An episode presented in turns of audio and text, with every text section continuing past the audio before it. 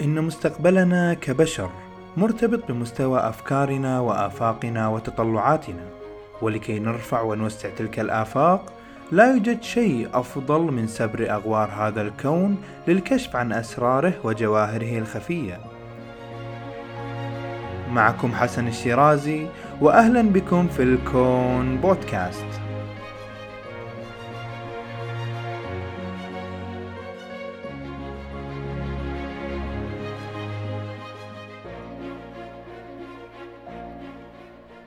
السلام عليكم. قبل قرابة الخمسين عام من اليوم وضع الإنسان أولى خطواته على سطح القمر بعد سباق محموم بين الأمم لإثبات علو الكعب السياسي والدولي مما صب في صالح العلم والتكنولوجيا. وبعد ذلك انتهت برامج إنزال الرواد على سطح القمر عام 1972 حيث كان ذلك آخر تلامس بين البشر والقمر. وكانت تالي هي آخر رسالة للإنسان من على سطح جارنا القمر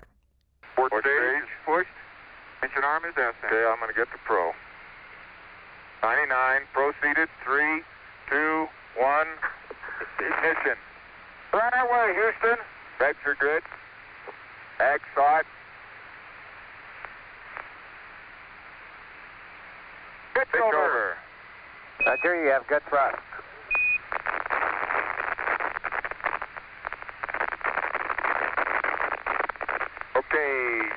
Seconds. 308 your number. Take coming through 1500 feet and H dot looks good. منذ ذلك الوقت لم نعد إلى هناك لأسباب متعددة وأهمها على الإطلاق الجدوى الاقتصادية والميزانيات التي تحتاجها مثل هذه الرحلات المعقدة. واليوم وبعد نصف قرن من تلك الأحداث يعود الإنسان للرجوع إلى سطح القمر مرة أخرى. ولكن هذه المرة لن تكون زيارة عابرة ورجوع إلى الأرض بعد جمع بعض العينات كما تم في الست زيارات السابقة من برنامج أبولو. إنما لبناء محطة بشرية على سطح جارنا القمر مع مشروع أرتميس الذي دخل حيز التخطيط والتنفيذ مع ناسا وستكون أول إنجازاته بوصول البشر عام 2024 على سطح القمر بتسارع غريب وعجيب للانتهاء من تنفيذه. وفي حلقة اليوم سنتعرف على أهم مراحل المشروع وكيفية تنفيذه والأهداف المرجوة من ورائه والمعوقات التي قد تؤخر المشروع.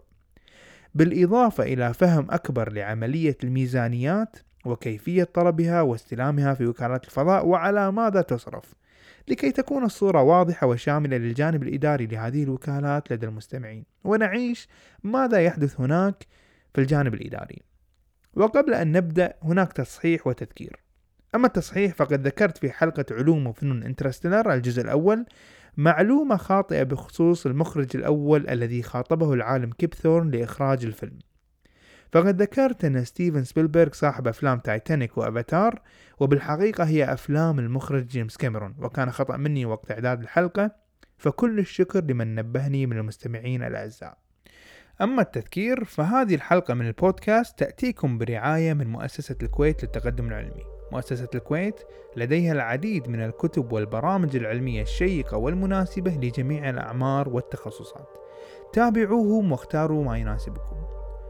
وأول ما سنشرع به في حلقة اليوم لماذا هذا الاسم أرتميس وما هي رمزيته لهذا المشروع بالتحديد؟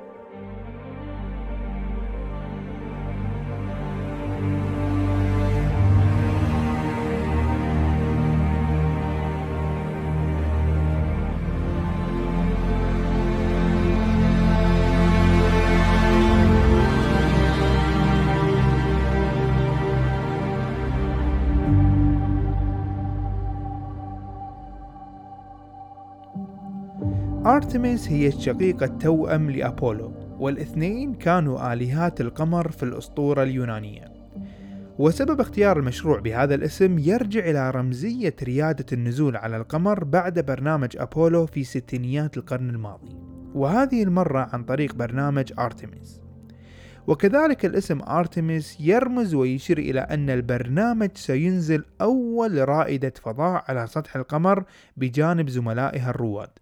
وذلك عن طريق نقلهم بصاروخ ال SLS هائل الضخامة ومن ثم استخدام المركبة أورايون الشبيهة كذلك بتصميم مركبة الصقر من برنامج أبولو لنقل الرواد.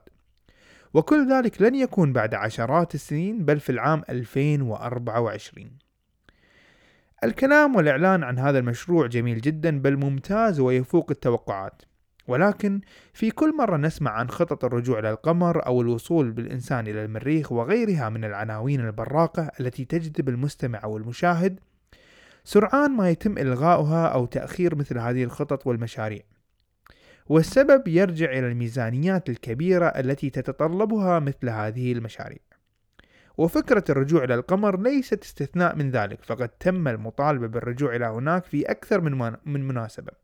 ولكن مثل هذه المشاريع تواجه بقلة دعم من قبل السياسيين الذين يحسمون مسألة الميزانيات وغيرها من الأمور الإدارية.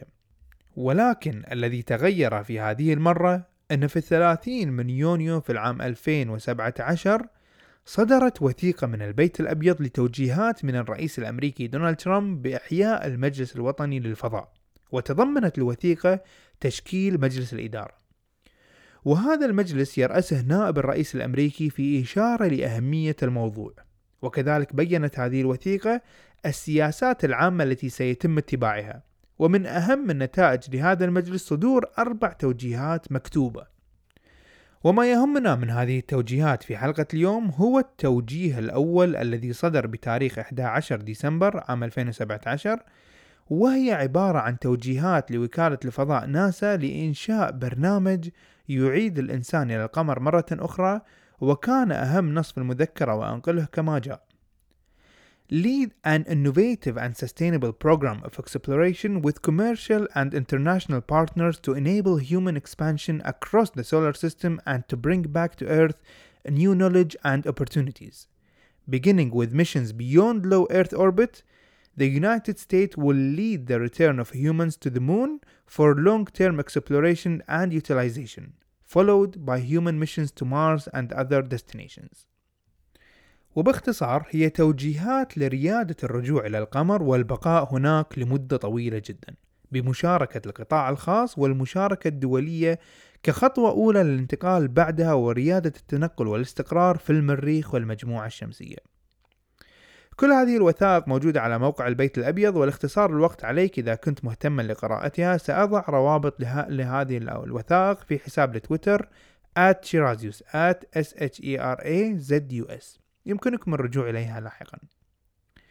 وعلى أثر ذلك كانت هذه هي الدفعة والولادة الحقيقية لمشروع أرتميس للعودة إلى القمر.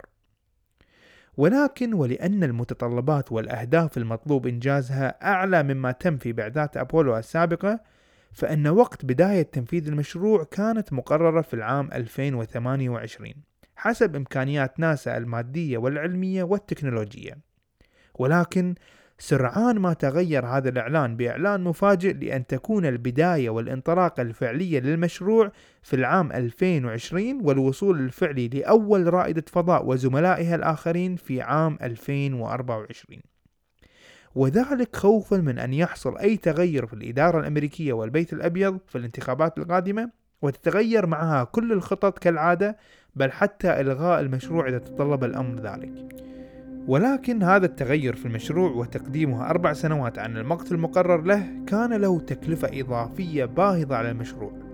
وهذا ما سنناقشه لاحقا في الحلقة ولكن قبل ذلك لنتكلم عن الخطة العملية ومراحل صناعة القاعدة البشرية على سطح القمر.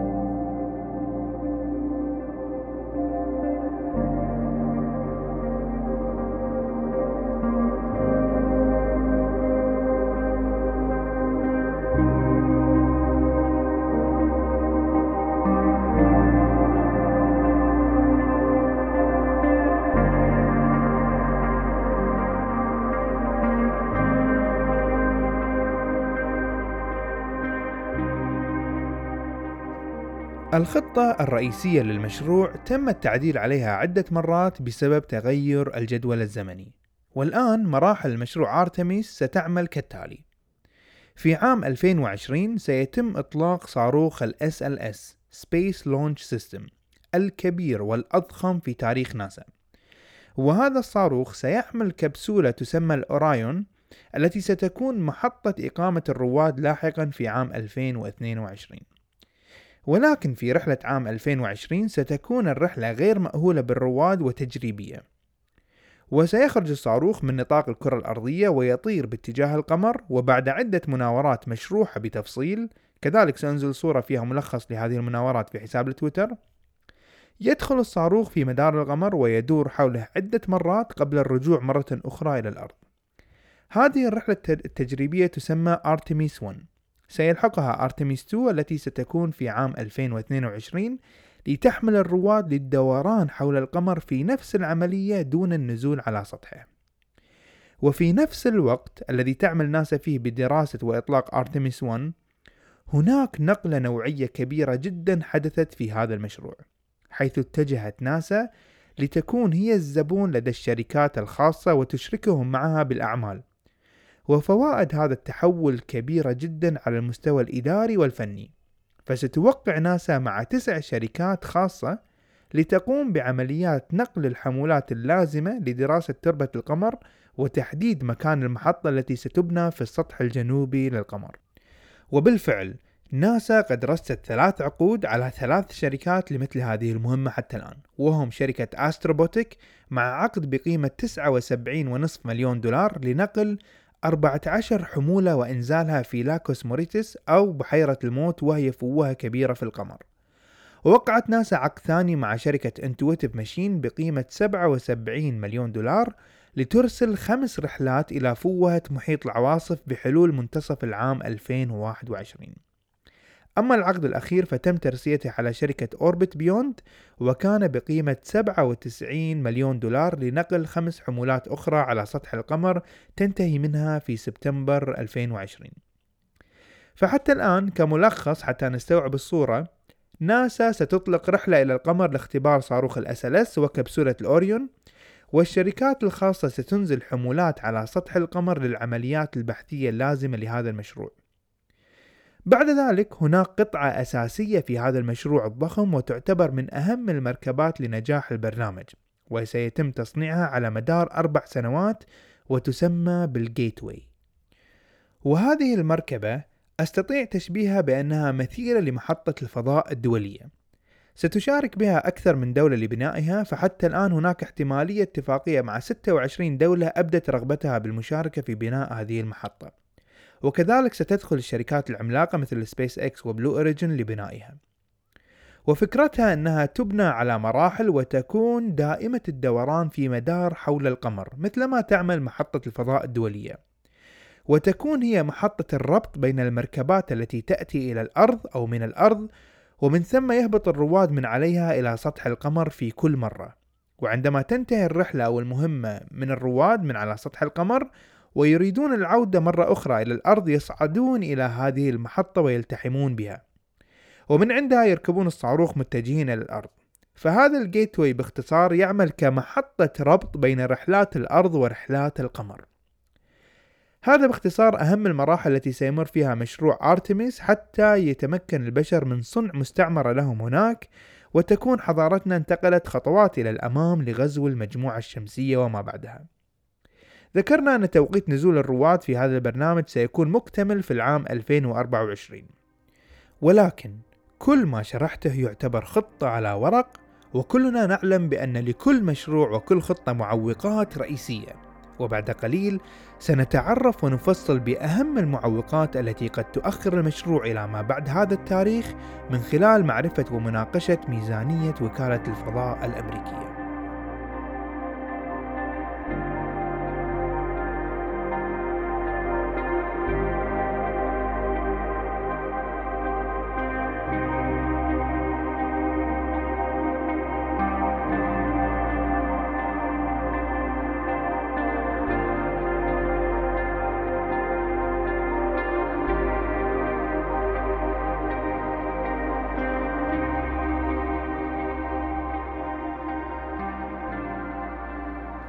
لكل مشروع أو هدف مراد تحقيقه من قبل المؤسسات أو الشركات ترصد له ميزانيات لكي يتم الصرف وتمويل هذه المشاريع. ومشاريع وكالة الفضاء الأمريكية وغيرها من وكالات الفضاء ليست استثناء من هذا الأمر، فبنهاية الأمر هي جهات حكومية تستمد قوتها من حكوماتها وتشريعاتها وما يقر من قوانين. فوكالة الفضاء الأمريكية تستلم تمويلها بما تحتاج من أموال من الميزانية الفيدرالية الأمريكية بشكل سنوي بعد أن تعرض وتناقش وتقر في الكونغرس الأمريكي. وهذه الميزانية في عام 2019 تقدر ب 19.9 مليار دولار وتصرف على خمسة بنود رئيسية سنناقشها الآن. البند الأول Deep Space Exploration System الصرف على استكشافات الفضاء العميق مثل السدم والمجرات والثقوب السوداء وغيرها على شكل أبحاث ودراسات وتمويل لكل ما يخدم هذا البند. البند الثاني الميزانية يخدم الاستكشافات التكنولوجية وتطوير المركبات وحاليا ينقسم الصرف على محطة الفضاء الدولية والنقل الفضائي وغيرها. أما البند الثالث فيصرف على العلوم والعلوم مقسمة إلى علوم الأرض وعلوم الكواكب والفيزياء الفلكية وعلوم تلسكوب جيمس ويب. وهذا التلسكوب قصة لحاله ولا بد أن أفرد له حلقة لاحقا إن شاء الله. وتحت البند الرابع وقبل الأخير فتصرف ناسا ميزانيتها على تطوير أنظمة وبروتوكولات الأمن والأمان وخدمات رحلاتها. وأما البند الأخير لميزانية ناسا فيمول عمليات البناء لمراكز الإطلاق والمركبات وغيرها.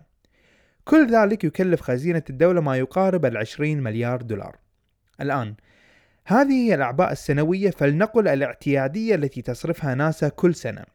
ولكن عندما تم اعتماد مشروع أرتمس فالتكلفة التقديرية للمشروع تسبت ما بين العشرين إلى 30 مليار دولار إضافية على الميزانية السنوية أي تكلفة تقريبا 5 مليارات سنوية لحين الوصول إلى القمر عام 2024 قد تعتقد للوهلة الأولى أنها تكلفة ضخمة وهي فعلا رقم كبير ولكن هذا الرقم سيصغر في عينك إذا ما علمت بأن هذا المبلغ يعادل 4% فقط من ميزانية الجيش الأمريكي أو يعادل فقط ثلاث غواصات نووية من التي تصنعها البحرية الأمريكية. ولكن عندما يأتي الموضوع إلى العلوم والتكنولوجيا فإن هذا المبلغ يعد من المبالغ الطائلة ويجب تبريرها أيما تبرير لكي تقبل مثل هذه الميزانيات في المجالس التي تحدد سياسات الدولة مثل الكونغرس في أمريكا. عموما عندما نحلل البرنامج ومصروفاته نرى بأن من أكثر أوجه الصرف هو الصاروخ الذي سيحمل الرواد وينقل المعدات لبناء المحطة هناك وهو صاروخ ال SLS. صاروخ ال SLS مثل ما ذكرت هو الأضخم في تاريخ ناسا. إذا اكتمل وسيكون أقوى من صاروخ ساترن 5 الذي حمل الرواد في رحلة أبولو. ولكن مشكلة هذا الصاروخ أنه لن يكون قابل للإعادة مثل صواريخ سبيس إكس الشهيرة بتقنية رجوعها إلى القواعد بعد الاستخدام. بل سيكون استخدام مرة واحدة. تكلفة الصاروخ الواحد تقدر بمليار دولار ونصف. وحسب الخطة ففي كل عملية إطلاق للقمر سيستخدم هذا الصاروخ مما يعني حرق المليارات والمليارات فقط على عملية الإقلاع. فكانت هناك الكثير من المطالبات بتخفيف العبء من هذه التكاليف بعمل شراكة مع سبيس إكس واستخدام صاروخ ال Heavy Falcon. ولكن حسب التقديرات الفنية فإن صاروخ الهيفي فالكون قادر على حمل 21 ألف كيلوغرام إلى القمر بينما صاروخ الأسلس حسب وكالة الفضاء الأمريكية سوف يكون قادر على حمل أكثر من ضعف هذا الوزن من معدات ومستلزمات المشروع. لتصل الحمولة إلى ما يقارب ال 45 ألف كيلوغرام. ناهيك عن الأمور السياسية الأخرى مثل عملية التوظيف. فهي جهة حكومية وتحت بند التوظيف وتقليل نسب البطالة تستطيع ناسا إقناع الكونغرس لتمرير مثل هذه الميزانيات. فمثل هذه العمليات لبناء صاروخ الأسلس والأنظمة المشابهة يتطلب عشرات الآلاف من الأيدي العاملة وبالتالي تحريك سوق العمل وبطالة أقل عن طريق حل حكومي. فنرى أن هناك عوامل كثيرة تؤثر على القرارات وليست كلها كفاءتها عالية من ناحية الإنجاز العلمي أو التكنولوجي. فلا بد من مراعاة الأمور السياسية كذلك وموازنة الأمور لضمان عدم تأخير هذه المشاريع أو إلغائها. والآن بعد أن أخذنا نظرة سريعة على ميزانية ناسا ومصروفات أرتميس فلننتقل إلى الجزء الأخير في حلقة اليوم ونناقش المطلوب إنجازه من الوصول إلى القمر والأهداف الاستراتيجية لهذا البرنامج.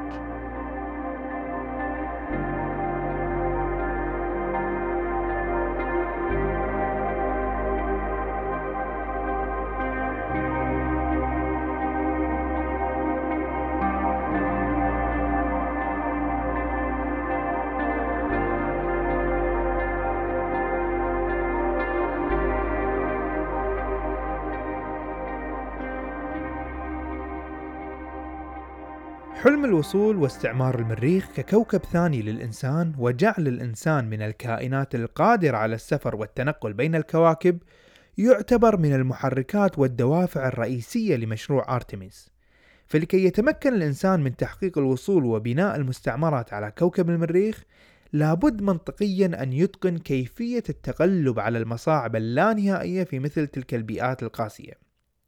ولأن رحلة المريخ صعوباتها المادية والتقنية كبيرة جدا فبدلا من تصميم برامج لاختبارها على كوكب المريخ برحلات تمتد من 6 إلى 9 شهور للوصول إلى الكوكب الأحمر وعمل الدراسات هناك على جرم غير الأرض في الفضاء ترى وكالة الفضاء الأمريكية أن القمر هو البيئة الأنسب للتعلم على رحلات الفضاء العميق فهو يبعد مسار ثلاثة أيام.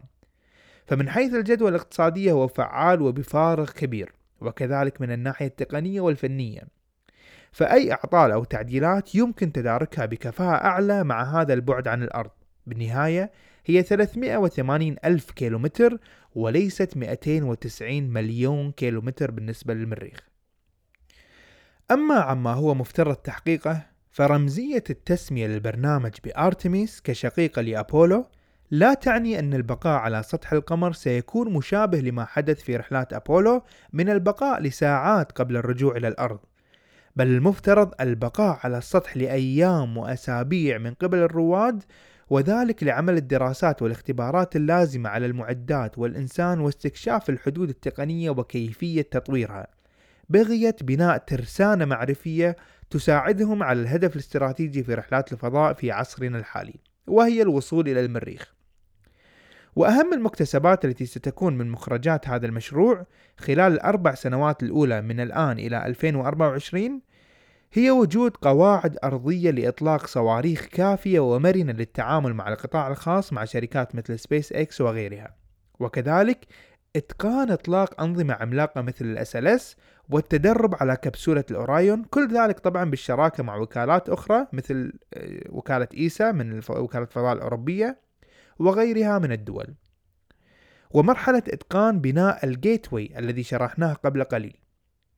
وبعد ذلك من العام 2024 وقت انزال البشر بالرحلة الثالثة لصاروخ ال SLS إلى العام 2028 سيتم اختبار أنظمة الهبوط على القمر وأنظمة بناء المحميات التي سيعيش فيها الرواد لمدة طويلة في الفضاء بالإضافة إلى إتقان صناعة بدلات واقية تتناسب مع تلك البيئة القاسية لمدة طويلة. فكل ذلك يحتاج إلى عمل وتطوير غير متاح وغير ضروري بالنسبة للتحديات الحالية للفضاء مثل السفر إلى محطة الفضاء الدولية أو حتى النزول على سطح القمر لمدة بسيطة مثل ما فعل رواد أبولو سابقا. هذا من جانب. ومن جانب آخر سيتم تفعيل دور الاستفادة من التربة القمرية لاستخراج الماء وجعله متاح لاستخدام الرواد.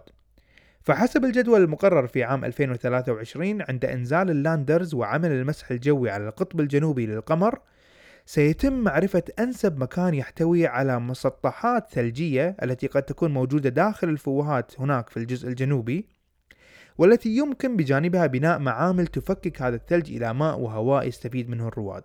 في خطوة ستطور مفهوم استغلال الموارد على الأجرام ومعرفة مدى قابلية تطبيقها وحدودها لاستقلالها لاحقا للمريخ فكما رأينا هذا البرنامج وكل الإنجاز العظيم المراد تحقيقه هو خطوة أولى للبشرية بل حبو كحبو الأطفال للتعلم كيفية الخروج من الأرض وتحقيق حلم المريخ وحلم التنقل بين الكواكب.